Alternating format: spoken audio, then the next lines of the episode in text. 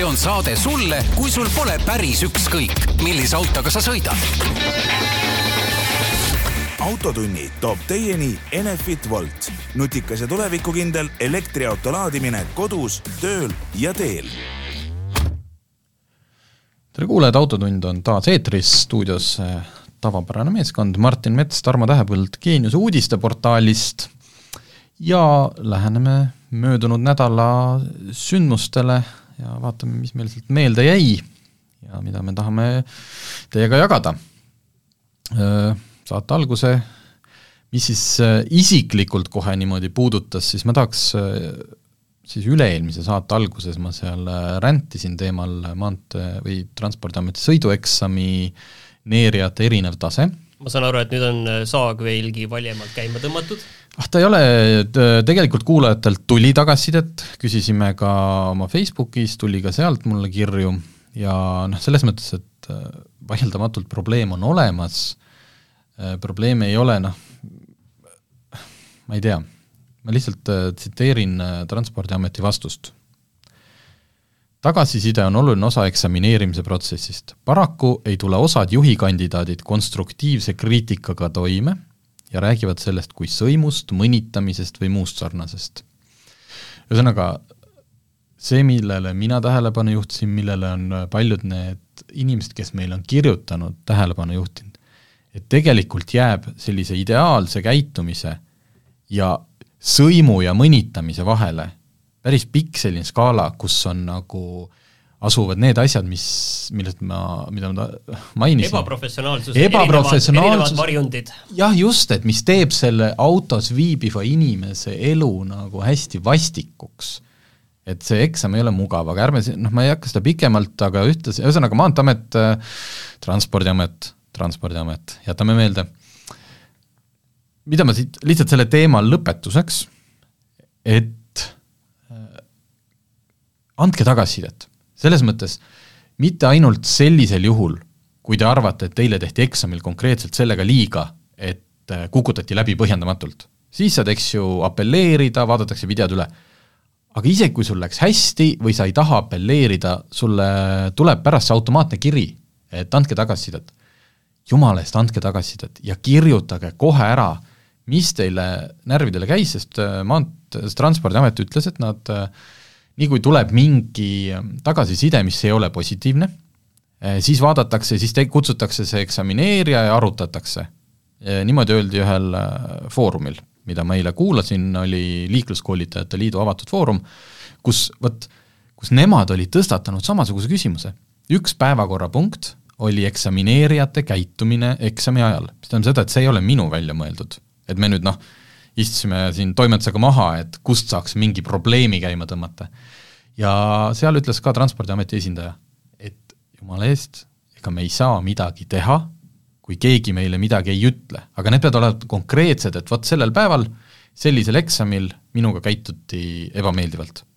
ja siis nad saavad üle vaadata, nii et tehke seda, kindlasti et äh, muidu, noh muidu tõesti, võib-olla ongi see, et Tähepõld siin iga paari saate tagant natuke nagu ütleb, et äh, päris halvasti on aga neil ei ole millestki kinni hakata. Äh, millest sinul kinni on hakata? natuke juba vanast teemast tegelikult, mis päris aasta alguses tuli, äh, see, et ähm, noh, tegelikult see tekkis vist, äh, ma ei taha öelda tühjast kohast, aga see asi puhuti nagu palju suuremaks, kui see tegelikult on, ehk siis see, et tanklaketid peavad hakkama nüüd näitama seda, palju mitte maksab üks liiter bensiini või kilogramm mm, CNG-d, vaid hoopis seda, et palju Äh, läheb maksma sulle saja kilomeetri läbimine selle kütuseliigiga. no selge see, et need niiviisi tanklasse posti otsa see hind niiviisi ei tule, see kõik jääb samamoodi, nagu praegu on olnud. võib-olla, mis tegelikult siin nagu probleem on see, et, et miks seda üldse taheti teha ja mi-, miks? no see on tegelikult sellepärast, on ju puhtalt, et näidata, et elektriautoga on odavam aga noh, seal on nagu nii palju küsimusi kohe selle peale, et mis elektriauto hi-, mis elektri hind seal olema peaks. mis elektri hind?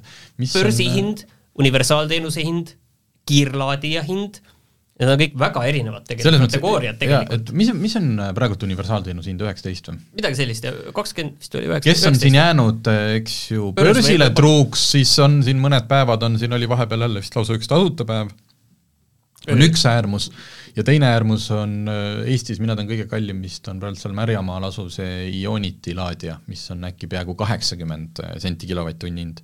tõepoolest, pluss äh, minul oli au isegi käia sedasama teemat lahkamas Ringvaate saates, et kui seal ma tõin välja selle, et kui tänapäevastel bensiini- ja diiselmootoriga autodel on see VLTP, kütuse mõõtmisstandardi järgi saadud enam-vähem realistlikuks. okei okay,, mingi liiter kindlasti on seal nagu nii-öelda autotootja kasuks, see keskmine ametlik kütusekulu, siis põhimõtteliselt on võimalik saavutada see. elektriautol on see noh, umbes täpselt nagu pistikhübriidiga, on see mingi täiesti ulme number. Äh, erinevus võib olla ehk siis isiklikud kaks näidet, mida me eelmine nädal siin erinevus võib talvel või suvel juba just, ei ongi, täpselt see talve ja suve erinevus tulebki ka, mida ma eelmine nädal äh, Ronald Liivega rääkides elektriautoga elamisest tõin näiteks, oli põhimõtteliselt kahekordne võrreldes tehase poolt lubatuga, oli see, mis minul viie inimesega Tartu sõites oli. ehk et kujuta ette, sul on, äh, ma ei tea, diiselmootoriga auto, tehas on lubanud sulle keskmiseks äh, viis koma seitse, aga vot, talvel paned, võtad pere peale, lähed talvel Tartusse üle kümne, noh, et sellist vahet ei ole, aga elektriautodel võib selline vahe olla. Ma tõmbaksin selle veel korra veel natuke laiemaks, sellepärast et idee nagu, mille all seda, mis see giid on see, et tarbijaid aidata, tarbijatele näidata soodsaimat asja. et see nagu ideaalis nagu kõlab nii hästi, aga aga minu meelest võiks siis seda nagu igal pool niiviisi teha, pluss veel see, tarbijale näidatakse ju lihtsalt kütuseliiki, et kütus on odavam aga tarbijatele siis peaks ka tooma nagu näited, et palju nagu see toode, millega te sõidate, palju see maksab, seda neile näitama, siis noh, seal kokku mingeid asju panema, et palju see kogukulu on ja nii edasi, on ju. et sa näitad nagu ühte osa valemist ainult. ja ma olen nõus, see ongi väga odav, elektriautoga on väga odav sõita, eriti kui kodus laed, väga odav, kõik on väga hea, ongi odavam, väga palju odavam on ju, ma ei, nagu ei vaidle absoluutselt sellega, aga lihtsalt see tarbija nii-öelda, tarbijale info andmine on väga poolik ja samamoodi, miks ainult piilduda kütusega, seda võiks näidata igal pool, minu meelest baarides võiks näiteks olla, on ju, see, et äh, ütleme niiviisi, et äh, optimaalse joobe saamiseks, äh, mis oleks sul kõige mõistlikum juua, odavam tuleks, et see ei näidata seda, et džinntoonik maksab kümme või kaksteist eurot kokteil, vaid see, et palju sa kulutad selle peale näiteks kokku? Või alkoholiühiku, alkoholiühiku, alkoholiühik kokteili hinnast. Ja,. jah, jah, et see oleks nagu ja. väga mõistlik ei, ma saan aru, see küsimus on see lihtsalt, et kas see idee on see, et seda optimaalset joovet saada, lihtsalt see, võib-olla on seal idee hoopis mingi muu, võib-olla sa tahadki ühe jah, et see on mingi see kabinetis sündinud värk, et äh, pigem näidaku siis oma seda noh, kui, kui keegi üldse midagi peaks näitama, siis peaks seal ju rõhuma inimeste südametunnistusele, mida meil ei ole kellelgi, äh, näitama võib-olla seda mingit äh, kogu elutee keskkonna säästu, mis iganes. noh, täpselt samasugune, keegi võtab õhust mingi numbri ja ütleb, et vot, kusjuures tegelikult arvestades seda avaandmete süsteemi, iga auto kohta on ju tegelikult täiesti ava, avalikud andmed olemas, Transpordiametis saab vaadata, trükida autonumbri sisse, mis mootor tal on, ja mingist vanusest alates, ma ei tea, kümme, viisteist, on seal kirjas ka tegelikult ametlik tehase kulu. paljudel on küll see veel see NEDC standardi järgi, tegelikult saaks ju seesama, et kaamera võtab su auto pildi, sinu registris, registreerimisnumbri ja ütleb sulle noh, et nagu hakkab sealt võtma mingeid andmeid, ühesõnaga seda saaks arendada. aga ma tahan öelda seda tegelikult, et see tanklaposti idee, ma olen seda kunagi siinsamas saates rääkinud ka kunagi ammu, tank, tanklaposti idee on väga õige tegelikult teistpidi, see on väga hea koht, kus näidata eh, elektri hinda. Eh,, välja arvatud, mis muidugi puudu on see, et üheski tanklas ei müüda elektrit, noh, seal kuskil võib-olla hakkab midagi toimuma, on ju, aga lihtsalt see, et see elekter oleks seal ka, iga inimene näeks, ma saan seal tankida elektrit, laadida. Mm. -hmm ma saan seda siin teha, see on ja. igal pool, täpselt nagu ma bensiini saan võtta sisuliselt igal pool, ma saan laadida igal pool, siin on need kohad olemas, siin on see võrgustik olemas, ehk ikkagi laadimisvõrgustik, mugav, lihtsasti kasutatav laadimisvõrgustik on siin võlusõna, mitte see, et mingit äh, mingit jura, mingi juraga tegeleda põhimõtteliselt. see, et no, inimestel on vaja näha, et jah. me saame laadida kõikjal, see on palju parem asi kui see, et seal kuskil väikese, väikselt kuskil tanklas näidata, et palju kulutad saja kilomeetri kohta. eks ta on kabinetis sündinud ja, ja natuke ta on see, et noh, poes tegelikult jube hea on vaadata seda, et äh, kui ma vaatan palju no, võrdlen... nõudepesutablett maksab? ei, just, üks nõudepesutablett, vaatan kõrvuti suitsuvorstid, milline on kilohind, et see on nagu jube kasulik, lihtsalt seal on nagu võrreldavad ühikud, et noh, üks mhm. suitsuvorst ja teine suitsuvorst ja võtan odavama, aga auto tankla puhul seda ei ole. ja, ja millest see skandaal või noh, see siis värelema lõi, oli tegelikult see, et äh, ma nägin ühte Facebooki vaidlust, kus isegi kaks äh, olulist kütuseäris tegel-, noh nagu sees olevat inimest läksid omavahel vaidlema, sest et üks väitis, et see hind hakkab olema postil ja teine ütles, et see ei hakka. ja hetkeseisuga vähemalt äh, Majandus- ja Kommunikatsiooniministri, ministeeriumi sõnul see direktiiv ei tähenda seda, et see tuleb sinna noh, tanklapostile, mida sa eemalt näed, vaid see on lihtsalt ilmselt mingi eraldi ekraan kuskil tanklas sees, et ootad oma kabanossi ja siis uurid, et noh, kui palju sa oleksid saanud aga, siin aga kujuta ette, see elektri hind peab seal ikka kogu aeg muutuma, et selles mõttes seal ei ole Ei, aga ja mõttes jube kihvt on- ja teiste asjade hind samamoodi jääb kogu aeg muutuma. Kui keegi võtaks, noh, see oleks nagu, seal saaks selle, saaks teha huvitavamaks, et inimene päriselt süveneks, see ongi interaktiivne ekraan, sisestad sinna, et palju minu auto praegult võtab, noh mingi, et sa mängid sellega Jaa. täpselt, sul Sest- ongi igav sest seal on keskmine bensiiniauto hind ju, ütleme, ütleme, et siis seitse pool on seal Jah. kirjas, on ju. Jah. noh, ütleme nii, et minul võtab kuus koma seitse, on ju. või ei, minul võtab üheksa. kelle poole ma siis pöördun, ma saan sealt valeinfot ju. Jah. selles mõttes, et äh, jah, meie sinuga teame, palju täpselt meil auto võtab, on ju, ja mõtleme selle peale, aga võib-olla keskmine inimene või ütleme niiviisi, et kes lihtsalt sõidab autoga, teda muu ei huvita, on ju. et ta teab jah, et tanklas läheks tal paagi jaoks on ju kaheksakümmend eurot, on ju, aga tegelikult tema ei viitsi süveneda, tema vaatab, et tema saab seal sada kilomeetrit sellega ja ta ei saa päriselt seda. et, et noh, kelle poole ta siis oma murega pöördub, et kuulge, et te siin müüte asja, mis ei vasta tõele, on ju. et noh, nii seal võiks nii olla nagu selline saa. ekraan, millega saab mängida, sest et tihti tuleb oodata seal oma võileiba hästi kaua. vot äh,, järjekordne Martini lemmikteema, aasta auto siis Euroopa aasta auto äh, see ei ole siis maailma aasta auto. see ei ole maailma aasta auto, aga see Euroopa aasta auto on nagu aastaid olnud tegelikult see kõige suurem ja millegipärast nagu olulisem, et mingi hetk tuli sinna juurde see mingi World Car of the Year, võitis Jeep Avenger, väike selline linnamaastur, mida, mis Eestisse jõuab juunis, täiselektrilisena, mingites riikides tuleb sellest ka bensu, bensumootoriga versioon ei tea, ei oska sellest autost midagi arvata, tehnoloogialt eh, ilmselt sama, mis on eh, Peugeot eh, ja ühesõnaga kogu see Stellantise grupi need elektrikad. lihtsalt, mis ma selle finalistide puhul tahtsin välja tuua, seitse finalisti, millest kõik välja, tähendab, millest kuus on erinevad linnamaasturid mis see seitsmes siis on? Seitsmes on Volkswagen ID Buzz ehk siis see tarbesõidu kihvt funky, selle puhul ma saan aru, et noh, seal on nagu seigeldud, see on, minu arust oleks võinud see võita ka, aga ma ei tea, kas ta jäi teiseks. ta jäi päris äh, Avenger, noh, see paneb natukene ootama seda Avengeri, sest Avenger sai kolmsada kakskümmend kaheksa punkti. ja teise koha, ma saan aru, saigi siis ID Buzz nagu sa, nagu kakssada nelikümmend üks, kakssada nelikümmend üks, ühesõnaga sada punkti vahet. Ja seal on nagu viiskümmend seitse liiget on žüriis, kes on aja, minu teada ikkagi peaks olema ajakirjanikud, et noh, mis seal Jeep Avengersis siis nii, nii mega hästi oli, et sellise pika puuga. aga ei ühesõnaga, vaata, sellise asja võidab alati see, et äh, mille vastu on, kõige vähem Okei. mis on kõige keskmisem Aa, et see siis- võidab et siin need teised tegelikult siin- võidab kõige keskmisem. Nissan Ari ja Kiia Niro, Renault Austral, Peugeot nelisada kaheksa ja Subaru Solterra, Toyota BZ4X on niisugune paarismudel.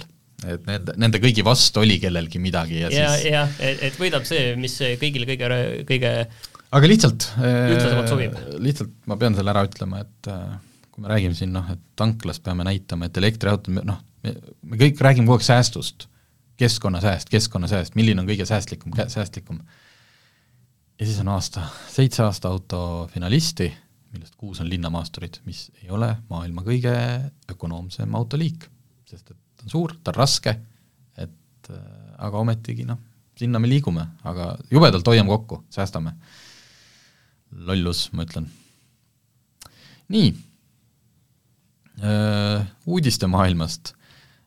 Politsei avalikustas, millis, milliste markidega ja millises äh, vanuseklassis eelmine aasta siis kõige rohkem äh, eeskirju rikuti aga ma saan aru, et tegelikult äh, see on siis Eestis, aga aga siin on Eestis, see halb asi, et siin on tegemist, ma saan aru, üldnumbritega, et siin pole vajatud äh, suhet äh, nende autode koguarvu registris. ei, ja, ja selles mõttes on see arusaadav, et see nüüd ei tasu siin äh, äh, kas rõõmustada ega solvuda, et on ta, on ta jee niimoodi.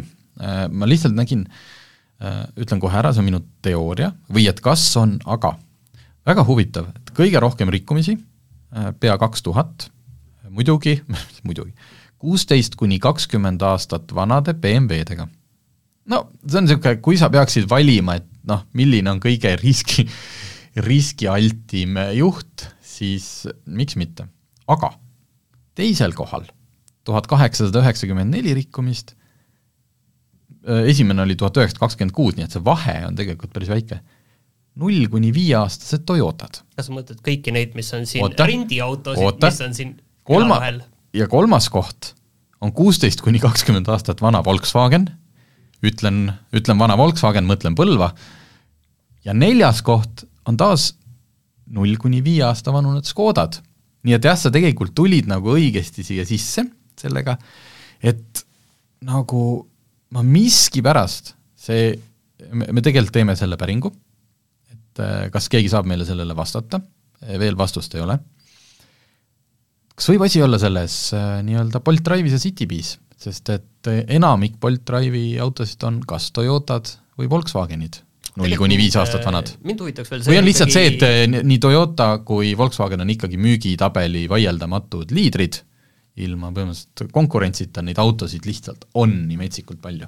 jaa, mind tegelikult ikkagi huvitaks see, et äh, palju on suhtarv äh, võrreldes registris äh, olevate autode arvuga, et, et mis sealt siis välja tuleb, sest ilm, ilmselgelt uusi Toyotasid on palju, ilmselgelt vanemaid BEM-e on palju, vanemaid Volkswageneid on palju, sellepärast et need veel kuusteist, kakskümmend aastat vanad autod, need veel sõidavad, erinevalt Peugeot'dest näiteks, et, et noh, lihtsalt, lihtsalt Jah. need autod on veel teedel. et nende vanade Peugeot'dega, mida tol ajal suhteliselt palju müüdi, neid lihtsalt enam ei ole, on ju. et, et see oleks kindlasti huvitav. jah, vot nii. ahhaa, mopeedautod, võtame veel kord teema ette, sellepärast et äh, siin on kaks põhjust. esiteks on äh, see, et äh, võts-, saime siis nüüd teada, et eelmine aasta äh, vii-, aasta viimased kuus kuud oli kõikidel Eestis registreeritud mopeedautodel kohustus selle kuue kuu jooksul käia ülevaatusel ära, pärast seda äh, ülevaatuskohustus äh, edasi olenevalt juba selle mopeedauto vanusest. et äh, kui sul on suhteliselt uus ja tutikas, siis sa ei pea iga aasta käima, aga äh, me kuskil siin novembris juba tegime sellise vaheülevaate, kus äh, selleks ajaks ülevaatusel käinud äh, mopeedautodest nelikümmend protsenti olid läbi kukkunud põhjusel või teisel, enamjaolt noh, selline tuled kehvad, pidurid läbi, aga avastati ka autosid heausklikul ostjal, kellel näiteks oli raam, auto raam oli pooleks, millest ta midagi ei teadnud. siis äh, aasta lõpu seisuga on seisnud niimoodi, et kaks tuhat kakssada registris olevat mopeedautot ja ülevaatusele läks nendest ainult üheksasada üheksa. Ehk nelikümmend protsenti, nelikümmend üks protsenti üldse ilmus kohale. ja nendest üheksasaja üheksast kukkus läbi kolmsada kolmkümmend üheksa, ehk siis sisuliselt kahe tuhande kahesajast mopeedautost võib hetkel, või noh, nagu võib-olla siis osad on oma vead juba viieteist, kahekümne protsendiga võib sõita põhimõtteliselt. põhimõtteliselt kuussada võib ainult sõita aa, liikluses. kuussada, jah, teistpidi, ma jah, jah, mõtlesin valesti. kuussada autot võib nagu nüüd on küsimus selles, et eh, seal asi võib olla nagu teadmatuses. lihtsalt, et paljud ikkagi ei Ma ole arvan aru saanud, et nad jaa, et, Ei, et nad ei ilmunud mitte ülevaatusele mitte sellepärast, et nad teavad, et ei saa läbi või ei taha raha kulutada, vaid nad lihtsalt ei teagi, et ma nad peavad ette, et minema. Maanteeamet on siiski saatnud eh, need teavitused eh, nende autode omanikele täpselt nii, nagu sina ja mina saame teavitusi, et oi, et meil läheneb aeg minna ülevaatusele. sa arvad kõikidele nendele toidukulleritele, kellel on kindlasti eesti.ee aadress ja kõikidele nendele ei maainimestele kindlasti, no kindlasti maa, on, mina maainimesena olen, sain selle kätte ei iseenesest. kuule, paljud isegi väga ütleme, interneti ja kõige teadlikud inimesed ei ole kunagi ära suunanud oma eesti.ee meiliaadressi. Selles on see asi. okei, kindlasti, kindlasti on jah, neid Jah., kellele see nüüd, see info ei ole kohale jõudnud, aga noh, kui politsei nad kinni peab tee ääres küll, siis neil info kohale jõuab, selles mõttes, et äh, ega muud ei ole. aa, meil tegelikult ju selle loo lõpus täpselt, et liikluskõlblikus seisukorras viissada seitsekümmend autot ehk kakskümmend kuus protsenti., veerand, veerand, jah. nii et äh, mopeedauto juht, kes ei ole veel ülevaatusel läinud ja sulle tuleb nüüd üllatusena, siis jah, sa pidid minema ja käi ära, sest et muidu saad trahvi. huvitav muidugi, mis mopeedautode müüginumbritega Eestis on äh, selle kõige peale juhtunud, et okei okay,, et ma ostan uue auto, siis ilmselt see on igatpidi nagu sõidukõlblik ja, ja, ja sellega ma saan ülevaatusest läbi, on ju, aga lihtsalt see pikem vaade sellele asjale. igatepidi sõidukõlblik, räägime sellest, sest ma käisin äh, esimest korda elus mopeedautoga sõitmas. mina ei ole sõitnud. ja vot see on päris sürr, päris sürr kogemus oli. Äh, mul ähm, üks tuttav sõiduõpetaja ütles, et neil on äh, seal autosõidus on äh, mopeedauto, uus, noh, viis tuhat on ta nüüdseks sõitnud, aga selles mõttes ta on ikkagi nagu uuena ostetud õppesõidu jaoks, et käivad tegemas need noored kes, kes peavad tegema. kes peavad tegema jah, kes on neliteist kuni kaheksateist vanusevahemikus äh,, tahaks sõita sellega ja peavad selleks load tegema, kutsus äh,, aga tule proovi. et kuna me sügisel ka juba seda infot jagasime, et siin kõik, kõik kukkusid läbi ja võtsin pakkumise vastu äh,, siin eelmine nädal ühel äh, pimedal äh, õhtupoolikul suurem lumi oli kahjuks või õnneks juba läinud aga noh, see kõik ikka pime ja vastik. et Järve keskuse juures saime kokku ja et sõidame sinna Männikule, kus on see libeda sõidurada autosõidul, et teeme seal mõned harjutused ja niisama. Tead, vaatad siis seda autot, no teavad kõik, millest välja näeb, mõned on päris ägedaks tehtud, eks ju, mõni on niisugune, eile nägin, eile nägin niisuguse kupeeliku kerega, et see noh, mopeedauto on umbes meetri pikkune, no tegelikult küll rohkem, natuke kaks peale. Ja siis sinna on veel aretatud see niisugune tagalangev kupee osa, noh väga kihvt. auto, nagu auto ikka, istud sisse, kujutad suur ekraan, noh mingi nagu saab osta neid aftermarket selliseid mingeid Pioneeri või sel-, selline ekraan on sees, iste täitsa mugav, kõik niimoodi, paned paika, ehm, ja siis hakkab pihta, siis paned käima selle. Ja vot see, sellel hetkel mul tekib nagu küsimus, et ma saan aru, miks seal nendega sõidetakse, sest noh, Äh, lube ei ole vaja. aga kui me räägime sellest, kui auto asemikust, ütleme inimesel nagu ma, ma ei saa aru, et miks selle peaks ostma keegi, kellel nagu näiteks load on või load oleks lihtsalt autokooli kaugusel. noh, mine ja tee ära, ma tean, rääkisime, et eksamist on raske läbi saada, aga kohutav mürin. Äh, nendel on väiksed diiselmootorid, äh, kahetaktil, kahesilindrilised vist ja muruniiduk on sul äh, diiselmootoriga muruniiduk on sul seal ees ja ja kui seda autot just ei ole nii-öelda ebaseaduslikult ära tuunitud, ehk siis piirajad maha võetud, mida ei tohi teha, siis see auto ei liigu ka, ja ma ei räägi, et noh, et üle neljakümne viie kilomeetri ei liigu, ta ei liigu ka, ka nagu äh, kiirenduse mõttes. et see on ikkagi täielik murutraktor mille eest siis see, see auto, see õppesõiduauto, millega ma hakkasin, oli, sõitsin, oli umbes, kas selle hind võis olla mingi seitseteist tuhat eurot. me räägime, me räägime lu-, Dacia, Dacia Sandero tippvarustusega versioon on umbes selles hinnaklassis. sõitsin selle autoga siis sealt Järve keskuselt Männikule, natuke tiirutasime Nõmme vahel äh, ja siis see pikk see tee, äh, mis läheb äh, Männiku suunas, kohati on seal isegi üheksakümmend ja päris õudne oli sõita, sest mina sõidan neljakümne viiega, minul see kiiremini ei lähe. Aga seal on juba kohati üheksakümmend lubatud. aeglane sõit, ma ütlen selle peale. ei ole põhjendamatult, mul lihtsalt kiiremini ei lähe. ja siis õppesõiduõpetaja ütles ka, et noh, tegelikult tema siin õpetab oma õpilasi, et noh, seal on see nagu see tehke kolm rida, jah? jah, just, et võtadki, sõidadki kahe rattaga nii-öelda, mitte tee peenra peal, aga seal on see pidev joon, noh, mis on mingi avarii osa on seal vist või kuhu saad seisma jääda. et minust tahaks mööda minna, sest äh, õhtul kell pool viis, kell viis, noh, linnast väljuv liiklus on väga tihe. ja ma arvan, et ma oleksin seal, noh, lõpuks mind oleks peksa ka vist saanud, kui ma oleksin seal ees täristanud neljakümne viiega see oli ikkagi, see oli, see oli kõik jube õudne, sest ma, see on ühesõnaga tor-... närvikulu on selline rikkalik? närvikulu on rikkalik, kuigi need uued sellised korralikud, et on nagu toruraamiga, selles mõttes isegi kui mingi tarkpea sulle sisse sõidab, et sa päris nagu ainult mingis sellises plastik, noh, plastikkarbis ei ole, et sul on ikkagi see toruraam on ümber ja turvavöö ja kõik. Tegime libeda katseid ka, seda vana head põdratesti Äh, alustad äh, põdrakatset niimoodi koonustest, et äh, noh, muidugi mitte kuuskümmend kilti tunnis, sest see ei võta, alustad kolmekümnega, mõtled noh, siin et see, see sara noh, lõpetab küll siin külje peal kuskil.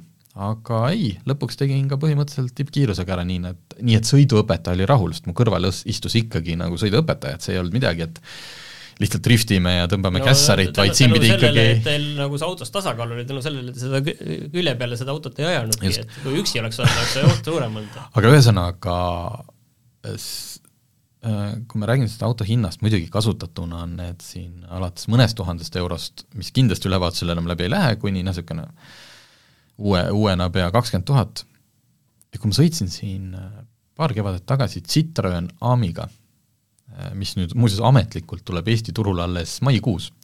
mäletad pilti, noh see yeah,, yeah. mis on ka äh, äh, oma klassi mõttes seesama mopeedauto, lihtsalt elektrimootoriga. ja toona öeldi, ma ei tea, mis ta hinnaks nüüd Eestis tuleb äh,, siis oli ta Prantsusmaal ja seal oli umbes niisugune kaheksa-üheksa tuhat eurot ja tundus oi-oi-oi, kes see nagu kaheksa tuhat eurot sellise noh, plastikkasti eest sõidab vaikselt kiirendab ja sõidab sama kiiresti kui see mopeedauto, et äh, sellise, no see on klass, kus nagu elektriauto teeb kaheksa tuhande euro eest, üheksa tuhande eurost sa saad väga korraliku kasutatud auto mm.. Nagu ja, ja, ja, ja, ja. valik on nagu väga täiesti, lai ja selline, mille peale saad paar ja. aastat nagu täitsa normaalselt nagu loota. täiesti nõus, siin, siin ei ole küsimustki, et kui sul on load olemas või sa oled võimeline oma intelligentsi ja kõige mõttes oled võimeline tegelikult need ära tegema, kui sa ennast kätte võtad, siis muidugi aga kui me räägime sellest, et kui ma tahaks, kui ma oleks see lapsevanem, kes nüüd arvab, et mu laps ikkagi peaks selle mopeedautoga sõitma, et äh, ma läheks, ma võtaks noore pere laenu ja ostaks selle Citroen Ami või ükskõik millise elektrimopeedi, noh nii-öelda elektrimopeedauto, mis noh, sõidab sama kiiresti, lisaks on noh, ütleme, keskkonna, ta ei käi kellelegi närvidel oma tärinaga ja see sees istumise kogemus on täiesti teine, sest noh, ma ütlen äh,, muidugi, väike ja kõik, aga see õudne müra, mis selle juurde käis. ma ikka, kui ma peaks kuskil maanteel või pikemalt sellega päev otsa mööda Tallinnat sellega toitu laiali vedama, siis noh, ikka vist õhtul nutaks küll peatäie. vot, see oli äh, mopeedautosõidu kogemus. Äh, mis meil siin veel meil on jäänud eksperimendi tegime. täpselt see, samas teemas natukene, aga, aga natuke et millega linnas liigelda? jah, millega saab kõige kiiremini ja paremini, ma ei tea vaata, oleks pidanud mopeedauto ka lisama. jaa, see oleks hea mõte olnud, aga tegelikult mõnes mõttes suhteliselt üllatusevaba on, aga räägi, mis te tegite? no võtsime klassikalise, et elektriauto, bensiinimootor või siis sisepõlemismootoriga auto, ühistransport ja jalgratas, millega me jõuame kõige kiiremini tööle marsruudi siis valisime selle järgi, et äh, tegime kahel hommikul äh, kahelt suunalt, ühesõnaga üks hommik tulime Viimsist ja teine hommik tulime Haaberstist. ja valisime need suunad selle järgi, et mõlemal suunal tuleb päris pikalt linna sisse elektri või see, ühesõnaga ühistranspordirada, kus võib sõita siis elektriautoga et justkui siis meie hüpotees oli see, et elektriautoga jõuame kiiremini ja oma toimetusse siia Kalamajas Volta tänaval. hommikul kaheksa kolmkümmend hakkasime tulema mõlemal päeval, äh, olime siis kohalikelt ka uurinud, et mis see kõige nagu raskem kellaaeg võiks olla, et kas peaks pool kaheksa või pool, pool üheksa hakkasime tulema, kaheksa kolmkümmend. Äh, selle järgi hakkasime tulema, tegemist oli selle Äh, jõulude eelse nädalaga, kus kool veel tegelikult käis. aga, aga noh, selgelt, et kahe hommiku, kaks hommikut ei ole kindlasti piisav valim, äh, kummalgi hommikul ei olnud mingit metsikut ummikut. selles mõttes nagu, et midagi, mis oleks ahastama pannud või, või kuidagi seda tulemust oluliselt mõjutanud. Äh, Viimsist hakkasime tulema, mina olin siis muidugi elektriautoga sest et ma olen nii mugav inimene lihtsalt. Äh, ma sain tulla Pirita teel mööda seda ühissõidukirada, terve tee niimoodi, et mu ees ei olnud ühtegi bussi. oma arust selles mõttes noh, ma nägin, et kõrval ei ole ka väga palju liiklust, aga kuskilt sealt ikkagi lauluka juurest äh, justkui nagu tekkis ikkagi mingi kogus autosid, kus sa noh, mõned fooritsüklid ilmselt võid kaotada no ütleme, olin juba kindel, et ikkagi võidan siin, et siit tuleb võit ära ja jõudsin Kalamajja ja mingi paarsada meetrit enne toimetust vaatasin äh, tahavaatepeeglisse ja nägin äh, kolleeg Elmar Otsa BMW tulesid. et ta väitis, et ta sõitis ilusti, ta ei nõelunud, ta ei ürit-, noh, ta ei üritanud nagu võita ja pigem jäi tal isegi Pirita teel seal tavarajal keegi ette, kes ürit-, noh, kes arvas, et kolmkümmend on näiteks sobiv sõidukiirus, viiekümne alas siis? viiekümne alas, ja mina ei saanud aru, kuidas ta mulle nii ruttu järgi jõudis, sest et noh, ma, ma oma arust ikkagi tulin noh, sealt äh, mööda. Äh, ühistransport jõudis siis, ühesõnaga meie olime Viimsist siin Kalamaja tagumises otsas äh, kahekümne nelja minutiga ja kolmandana saabus ühistransport, kolmkümmend üheksa minutit, mis on ka päris hea tulemus, äh, kolleeg Maarja pidi siis tulema bussiga Viimsist äh, kas Baltasse või kesklinna ja sealt trammiga tuleb põhimõtteliselt meie kontori ette, nii et ta pidi ühe korra ümber ka istuma. üsna okei okay aeg tegelikult. kolmkümmend üheksa minutit. ja Viimsist jalgratas Margus Pipra esituses. Äh, küll ei olnud, no ütlen, et lumi oli ka tollel päeval enam-vähem ära sulanud, et, et need ratta, see põhiline rattatee oli tegelikult kuiv. Aga ilm oli jube jälk, mul oli tast väga kahju. vastik tuul ja eriti seal mere ääres, et õh. viiskümmend kaheksa minutit, ehk siis pea poole, poole rohkem kui autoga. järgmine kord peaks kindlasti tegelikult tõuksi ka lisama, et see oleks ähm, jah esi-, esindaks meil äh, Tallinna liiklust. ja Haabersti suunalt, üllatus, üllatus, Haabersti suunal ma tulin mööda seda Paldiski maanteed ja vaatasin, et ees on paar bussi ja ma ei hakanud üldse sinna elektrisõiduki privileegi ära kasutama, et sinna bussirajale minna, sest mingit pointi ei olnud. jällegi, võib-olla oleksin ühe fooritsükli võitnud, aga järgmises ma oleksin istunud nende busside taga seal, sest et sa ei pääse sealt välja enam. ja noh, kummaline küll, jõudsime Kalamajja, vaatasin peeglisse ja nägin tagatule nägin tahavaatepeeglis BMW taga, esitulesid, et äh, jällegi äh, null edu mul. Sellega seoses tegelikult mul tekkis kohe küsimus, et äh, mis on see kriitiline mass elektriautosid Eestis, millal ühistranspordirajal sõitmine ära keelatakse? tead, ma arvan, et äh,. Eh, lihtsalt oleks ma pidanud sealt Viimsist tulles elektrisõidukiga bussi taga istuma, ma oleks kaotanud. Et nii palju, kui ma olen siin sõitnud ja testinud elektriautosid, eks ma olen jõudumööda ikka püüdnud alati noh, kas või põhimõtte pärast sinna ühistranspordirajale ronida, sest et ma võin, ainuke koht, kus ma olen saanud sellega reaalselt võitu, on Pärnu maanteel seal kosmose, enne Kosmose kino, sealt viaduktist Kosmose kino vaheline lõik, kes tahavad Tõnismäele või otse sinna Vabaduse platsi suunas minna, et nemad, nendel on üks sõidurida, mis päris pikalt pead nagu ikkagi päris mitu fooritsüklit pead ootama. aga kõrvalt läheb kohe see ühissõidukirada. igal pool mujal on see, et sa jäädki selle bussi taha ootama ja, ja kui, ja su kõrvale ja ka nendes kohtades, kus sealt bussirajast oleks siis võimalik väljuda, noh, esiteks endal on natuke halb tunne, et kuidas ma sinna vahele trügin, et istu siis seal oma bussirajas oma elektriautoga ja võib-olla isegi mõni nagu on nii väiklane, et ei taha lastagi, et kuidagi nagu sellest ei ole väga palju kasu. eriti, kuna neid on nii vähe hetkel veel, neid ühissõidukiradasid. et ma ei usu, et see saab nagu lähiajal mingiks probleemiks. et, küsida võiks ikka. küsida võiks ikka, okei okay,, aga Haabersti suund, jällegi autod tulid siis koos äh,, ütlen kohe, seitseteist minutit ja aga Haabersti suunalt võitis jalgratas ühistransporti. Jalgratast oli kakskümmend kuus minutit, kusjuures äh, Margus Pipar ütles, et äh, sealt oli palju vastikum tulla. et äh, mitte ilma pärast, vaid et seal oli hästi palju neid lõike, kus oli kas jääs, kus ta pidi rat-, noh korraks ratta pealt maha tulema, et mingit teed ületada, kuskil hanged olid ees, et suvisel või nagu natuke paremates tingimustes oleks ta saanud isegi kiiremini. ja ühistransport nelikümmend üks minutit ehk siis, kui me nüüd võrdleme autosid ja ühistransporti, siis äh, mõlemal juhul on see vahe ikkagi ka pea kahekordne. ehk et äh, kas ma tulen Õismäelt tööle seitsmeteist minutiga või ma tulen äh, neljakümne ühe minutiga. ehk siis see on ju päris, see on kakskümmend kolm minutit, õhtul võib-olla tagasi sama, et sa päevas nagu kaotad tunni ei, kakskümmend kolm, natuke liialdasin. Nelikümmend kuus. et äh, noh, see, see nagu on, et äh, hetkel veel, kuigi sa võid sattuda ummikusse, siis äh, no tegelikult meil siin kontor ei, ei asu ilmselt ka selles Õismäelt tööle sõitmise loogikas väga veel ei, selles mõttes asub, ta on kuni, kuni Paldiski maantee ja Tulika tänava nurgani on see, noh, see kõik jääb sinna sisse. et äh, sealt siis kas olenevalt, et kas sa sõidad äh, pea Tõnismäeni välja või sinna, ei ta ikka jääb küll okay..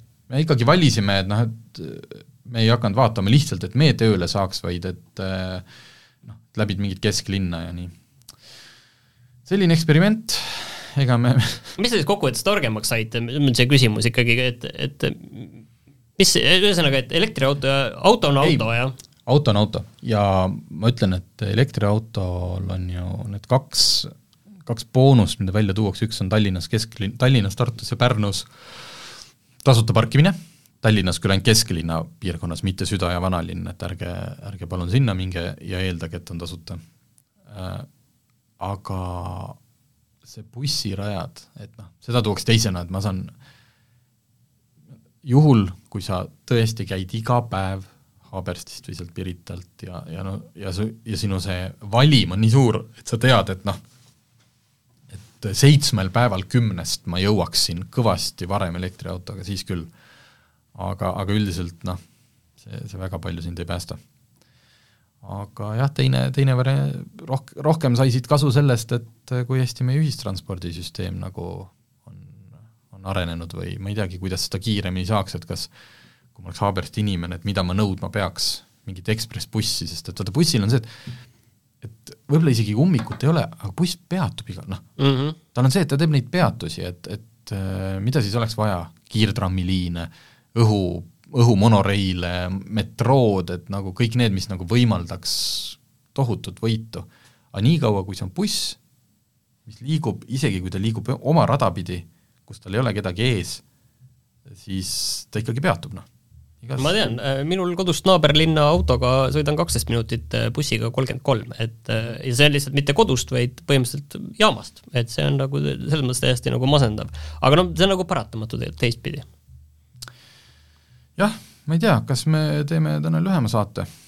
Jah, ma arvan, et äh, aga selle eest tasub oodata järgmise nädala saadet, et ma arvan, et siis tuleb üks väga kuum teema. nii, aga mis tuleb? kas me, me veel välja ei reklaami, aga sest et äkki, äkki keegi jääb haigeks ei saa tulla, et äh, mine kunagi ei tea, aga vähemalt soovitame kuulata eelmise nädala saadet Ronald Liivega ja elektriauto omamise reaalsest kogemusest, et okei okay,, aga korraks, kuna meil on paar minutit ikkagi veel siin aega, et eelmise nädala saade, ma ei ütle, et see oli tellimustöö, aga Martin selle peale tuli, et mis asja te seal chatis kogu aeg vaidlete, et äh, minge stuudiosse, pange mikrid käima ja hakake rääkima.